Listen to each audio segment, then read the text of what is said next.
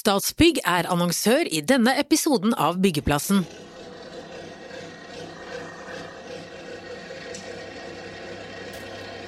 Snart kommer åpenhetslova.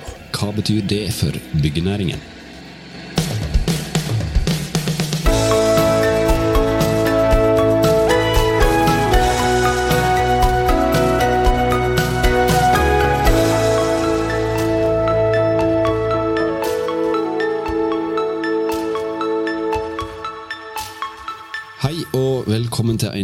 Episode av Byggeindustrienbygg.no sin podkast Byggeplassen. Jeg heter Frode Aga og skal lose deg gjennom denne neste halvtimen.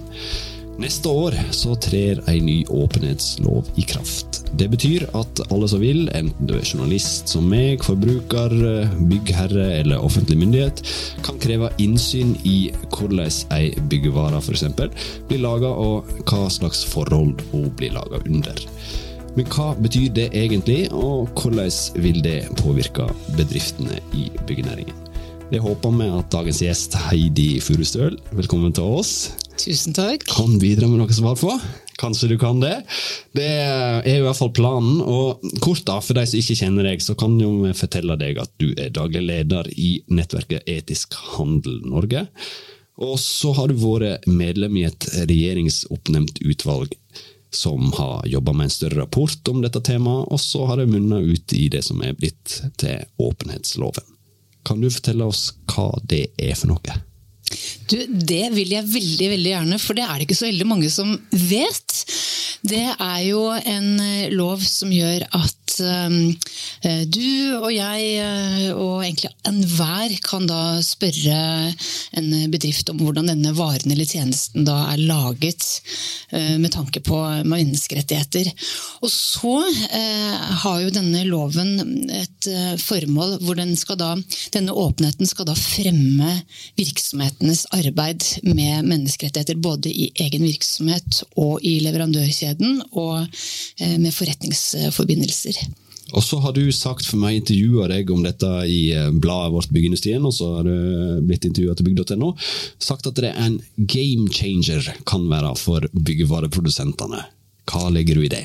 Ja, nå er det ikke bare byggevareprodusentene dette vil være en game changer for. Det vil det jo være for uh, hele næringslivet, også for de som ikke omfattes av, uh, av loven. Dette er jo den uh, mest omfattende menneskerettighetslov for næringslivet i hele verden. Og den vil omfavne ca. 9000 virksomheter.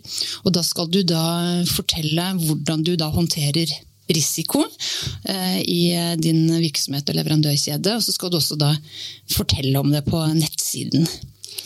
Og det betyr at du må ha noe skriftlig dokument på plass. da. Hva er det som må være på plass her for at du skal eh, tilfredsstille det som står i loven? da? Mm.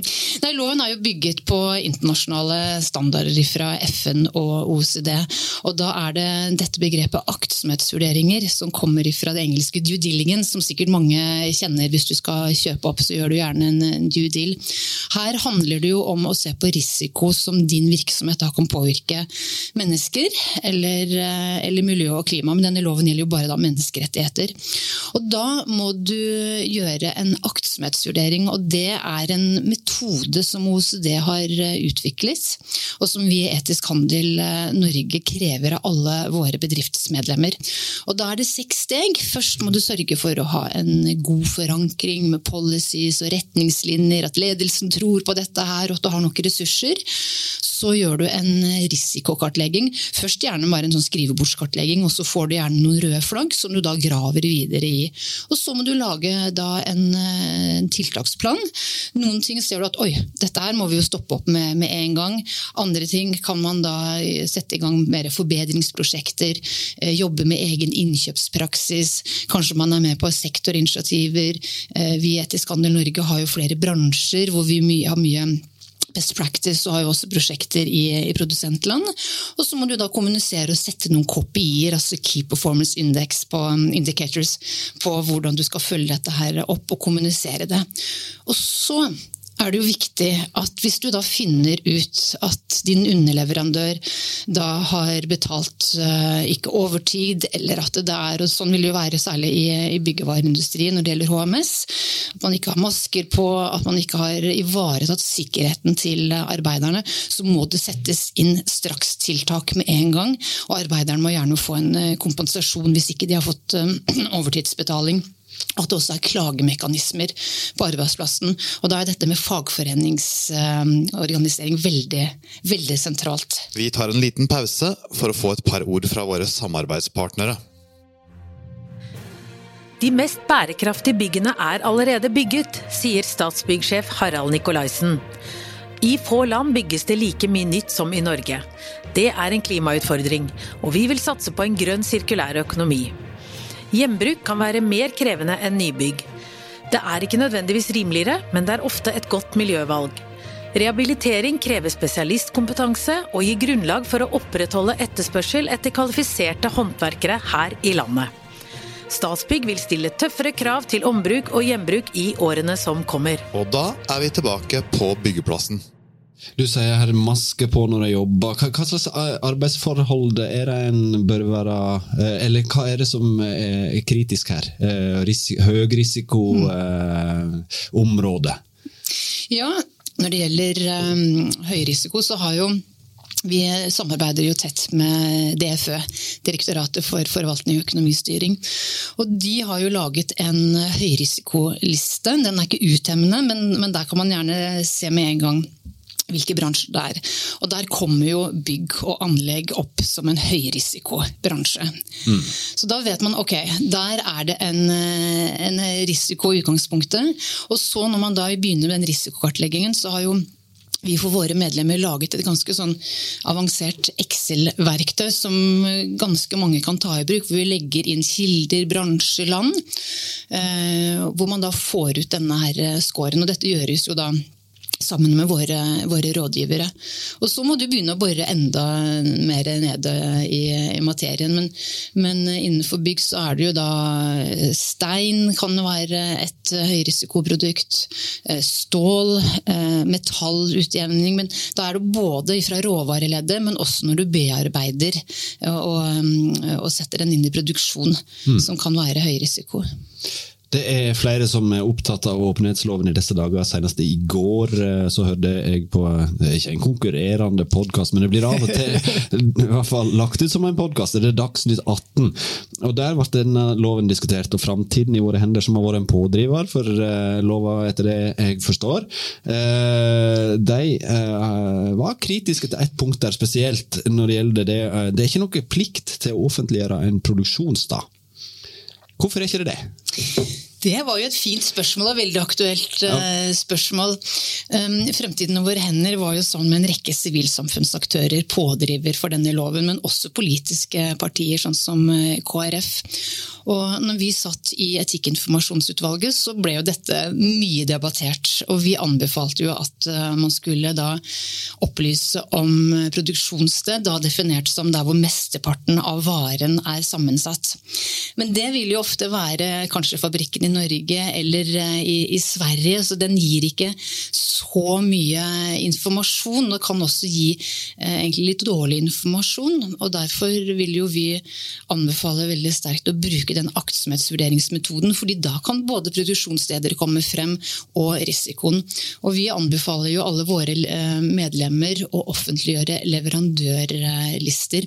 Eh, vi er jo et flerpartssamarbeid, så vi har jo både fagbevegelsen med LO og vi har Virke Virke, og vi har eh, næringslivet med, med Coop og Sivilsamfunn, som var en av våre stiftere. Så for fagbevegelsen og deler av sivilsamfunnet så har jo dette her eh, vært et krav lenge eh, for å kunne se hvordan litt kompliserte strukturer på, på eiernivå, hvem er det som egentlig eier her, hvem er det egentlig som sitter og, og, og trekker i, i, trådene. Men jeg tror det at når man får denne aktsomhetsvurderingsmetodikken på plass, så vil man jo kunne lese disse rapportene. og de skal skal jo være offentlig tilgjengelig minst én gang i året. og Hvis risikobildet endrer seg eh, drastisk, så skal man jo også oppdatere det risikobildet. Og Da kan man jo lese ok, har produksjon i disse landene her, det er dette her som er vår høyrisiko, og så prioriterer man da eh, blant eh, de høyeste risikoene og, og jobber. Det som er litt problematisk med med å bare tro at produksjon, eller Det tror jeg ikke de tror, da. Men, men produksjonssteder er jo nettopp det at den informasjonen blir så, så du, må ha, du må ha mer. Um, og så, så, er det jo noe med at nå får vi denne loven, og dette er den mest omfattende og første gang vi, vi har en slik lov i Norge. Så vi må også ta dette her litt uh, steg for steg. Og så forstår jeg at det er nybrottsarbeid i verden òg, uh, at den ligger langt framme der. Ja. Uh, men, ja. ja. men jeg hadde lyst til å ha en annen part i studio her i dag òg, men Byggevareindustriens forening, som da er en naturlig part i en sånn, sånn samtale, hadde ikke mulighet, men vi har intervjuet intervjua de om det.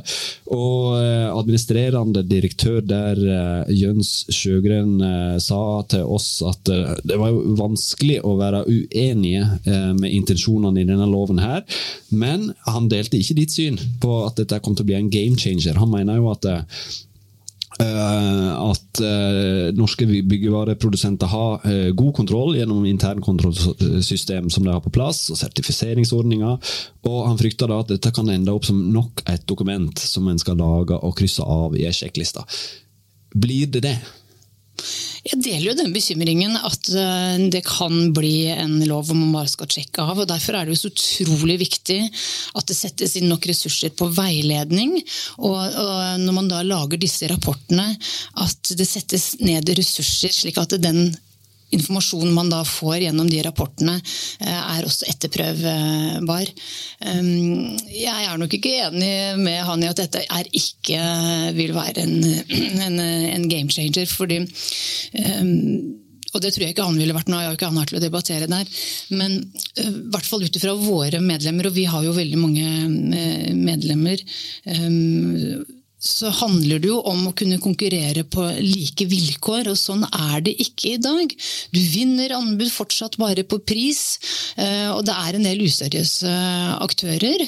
Og det gjør jo det at, eh, at de som legger ned mye tid og krefter og ressurser og gjør dette her ordentlig, og jobber da jevnt og trutt, får da ikke den uttellingen som de da skulle gjerne få med, når det gjelder anbud. Så jeg tror da at med denne åpenhetsloven, og det står jo også i eh, bl.a. i anbud 365 eh, i dag, så vil det jo også være en fordel for leverandørene å rapportere da på åpenhetslovens eh, kriterier. For da kan offentlige oppdragsgivere, og det står også i lovproposisjonen, kan da be om eh, aktsomhetsvurderingsrapporter og Det kan jo også være en eh, måte å kunne også avvise eh, tilbyderne på. Så dette kommer til å påvirke mer eh, enn bare byggevareprodusentene i den store store byggenæringen? Ja, og så er jo byggevareindustrien har jo jobbet lenge med miljø og til dels nå klima. Men når det gjelder menneskerettigheter, så er det jo lite dokumentasjon og lite sporbarhet og rapporter. Eh, og Det er jo bare nok å gå inn på eh, f.eks. DFØ sine sider og se på denne rapporten som eh, Swedwatch gjorde på byggenæringen, hvor du får ut av risiko. Så dette er en næring som og jeg tror absolutt at det er de beste intensjoner, men det er veldig lite kunnskap. Både om hva det vil si å gjøre aktsomhetsvurderinger, og at det faktisk gjøres. Så dette vil, vil bare være en vinn-vinn.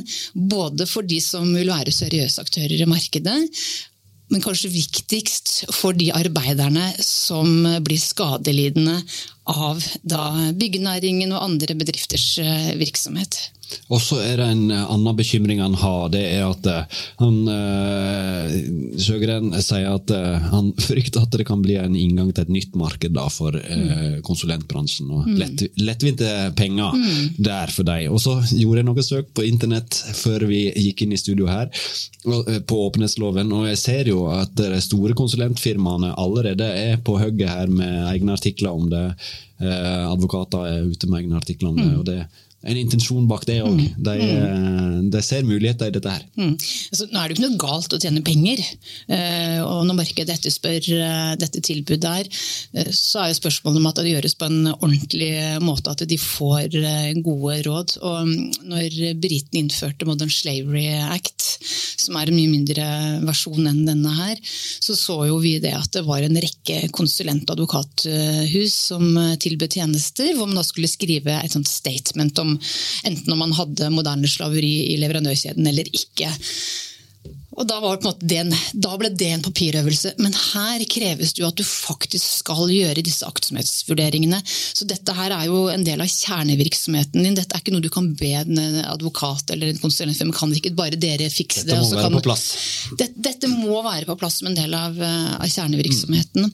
Uh, og så er det jo det er jo snakk om nesten 9000 virksomheter som trenger uh, hjelp. Og vi er jo et non-for-profit medlemsorganisasjon og har jo lang erfaring erfaring med å hjelpe våre medlemmer. Men det er klart vi, vi, også ønsker jo å kunne få flere medlemmer. Og det tror jeg vi får. Eh, og der er det et stort behov. Grunnen til at jeg ble eh, nysgjerrig på det personlig, det var at jeg leser bransjeneste for journalister, bl.a. journalisten.no, og de skriver om denne åpenhetsloven. fordi det er jo litt sånn, Hvem er det som kan be om innsyn? Og det kan jo alle. Absolutt alle. Uh, tror du dette her vil uh, føre til um, masse innsynskrav fra journalister, og kanskje da senere òg til, til avsløringer? Jeg tror jo åpenhet i seg selv er jo en grunnleggende positiv verdi, og det er jo alle enige om.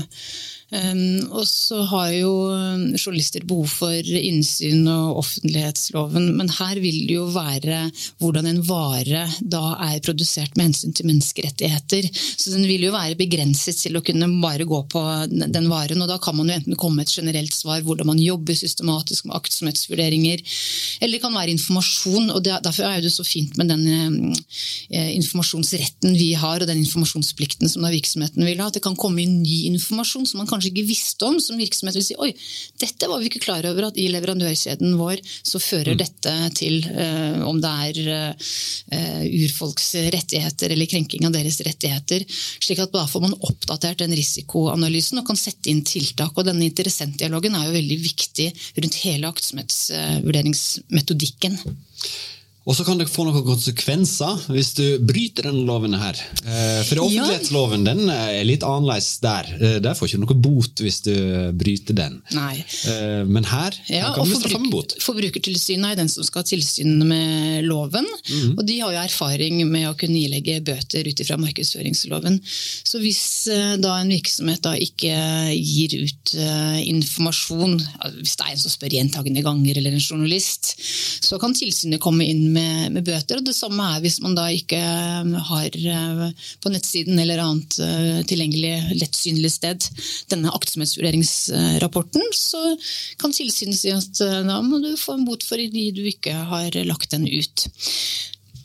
Men du, eh, jeg må jo pirke borti dette her med hvem det er som skal lage disse rapportene. Og, mm. og der vil jo du sikkert ha en uh, finger med i spillet òg. Mm. Uh, skal du bli rik nå du da på, på det som kommer med etisk handel? Ja, jeg tror ingen av mine kollegaer er i denne bransjen for du skal bli rik, men det er jo for at vi tror veldig mye på at når vi går sammen, næringsliv og, og fagbevegelse og sivilsamfunn og offentlig sektor, så kan vi virkelig skape endring for de på på, bakken. Men det er i hvert fall en mulighet til å skaffe enda flere medlemmer inn i dette ja, og, uh, samarbeidet som er og, etisk handel. Og våre medlemmer har jo, vi har jo laget en egen veldig sånn uh, Vi kjenner ikke til noen andre som har en sånn rapporteringsmal som vi har. og dette har jo også Oslo Economics sagt i sin rapport, at vår rapportering vil oppfylle åpenhetslovens krav. Så der kan man bare gå inn på våre nettsider, og så kan man da klikke på våre medlemmer, og så kan man lese en sånn rapport. Ja, Der fikk du lagt inn reklamen. Jo, jo men, men, men, ikke bare reklamen. Men det er liksom viktig for meg å, å, si det at nå er det sikkert mange som hører på dette og bare tenker å nei, enda mer rapportering, mm. enda mer skjemaer. Men ta det steg for steg, og i begynnelsen så vil det være veldig mye gulrot og lite pisk. Og, og, så kan du se at ok, dette her er noe vi kan eh, få til. Og det forventes jo ikke så mye av de litt mindre som det forventes av de, de større. Men har du en omsetning på over 70 millioner og en balansesum på 35 millioner eller 50 eh, ansatte, da må du rapportere. Men vi vil jo anbefale at alle bør gjøre det. Ja, for det at den, loven begrenser. Loven er ikke lik for alle her, da. Men, uh, så det, det, er de punktene der du sier de tre. Kan du ta dem igjen, igjen så lytterne får det virkelig med seg hvem det er som, som uh, må forholde seg Nei, til altså, det? hvis du har 70, dette er to av tre vilkår. da. Så Hvis du har 70 millioner i omsetning og eller 35 millioner i balansesum, eh, eller fem, over 50 ansatte, da er du eh, lovpålagt å rapportere på aktsomhetsvurderinger og kunne da utgi informasjon om hvordan varen eller tjenesten er produsert. Og etter det jeg vet, da, som er, så gjelder det ca. 9000 bedrifter her i landet. Mm. Men aller helst så skulle det vel, eh, som du sier, at alle følger dette her. Var det noen, noe det snakket om i eh, lovutvalget? Ja. Vi eh, delte det opp og ville ha en kunnskapsplikt for alle. Fordi dette ansvaret du har, eh, den stopper jo ikke på norskegrensen. Den går jo gjennom hele leverandørkjeden. Og du kan jo være en liten virksomhet. altså Kobolt kjenner vi jo til med de utrolige utfordringene det er med, med barnearbeid og gruvedrift i, i Kongo. Er du en liten koboltimportør, så er jo dette en kjempehøy risiko eh, leverandørkjede. Og da mente vi at da må man ha kunnskap om, eh, om den. Eh, Og de internasjonale retningslinjene fra FN og OECD er jo veldig tydelige på det at det er en forventning at alle gjør dette. Og jeg tror jo også nå som vi får EUs taksonomi og de lovkravene til eh, EU, så kommer dette her til å bli noe alle eh, gjør. Fordi du ser det får så konsekvenser på at ikke får du lån og ikke får du de oppdragene du gjerne vil ha. Så min anbefaling er jo at det er mye bedre å starte nå i dag enn å vente neste år, 1. juli, når loven trer i kraft. Ja, for nå er det bestemt. 1. juli kommer han. Nå er det bestemt. Ja, I forrige uke, når jeg snakket med deg, så var det enten f- 1. januar eller Så, så det skjer, det skjer ting. Denne uken har virkelig vært eh, en uke i åpenhetslovens tegn. Det er ikke bare regjeringsforhandlinger. Så Det har vært gjenåpning og mye, Ja, mye som åpner seg. ja. Du, jeg, jeg har blitt litt klokere. Det er fortsatt en del spørsmål eh, sikkert der ute. Eh, så dette her får vi ta steg for steg, som du har sagt òg. Veiledning blir eh, viktig. Kommer det noen veileder? Vi har jo allerede på våre hjemmesider laget en eh, ganske omfattende veiledning på aktsomhetsvurderinger. Så der er det bare å gå inn og klikke seg eh, rundt. Kom i gang eh, på bedrift, og så vil du få de forskjellige stegene. Eh, Men eh, alle de malende ressursene de har vi forbeholdt eh, medlemmene, pluss selvfølgelig den individuelle rådgivningen vi har. Jeg tenker eh, vi setter en liten strek der eh, enn så lenge for åpenhetsloven. Og så eh, er det nok mange som er spente på hvordan dette her vil utarte seg når den trer i kraft neste år. Tusen takk Heidi Furustøl for at du tok deg tid til å være her sammen med oss i Byggeplassen. Så eh, kommer vi Du har vært gjest hos en gang, en gang før. Ja, i- under Arendalsuka i 2019. Så det har vært veldig veldig hyggelig å være her og kommer veldig gjerne igjen. Og håper at neste gang det også er noe vi kan debattere litt med. Ja. Det tenker jeg at vi skal klare å få til. Eh, og for den som har lyst til å høre på den podkasten, så ligger den i vårt rikholdige arkiv. Eh, spol deg tilbake til 2019 og Arendalsuka, en av de livepodkastene der, så finner du den. Jeg heter Frode Aga, og eh, da sier jeg takk for meg, og takk for at du lytta. Vi er snart tilbake med en ny episode av Byggeplassen. Statsbygg var annonsør i denne episoden av Byggeplassen.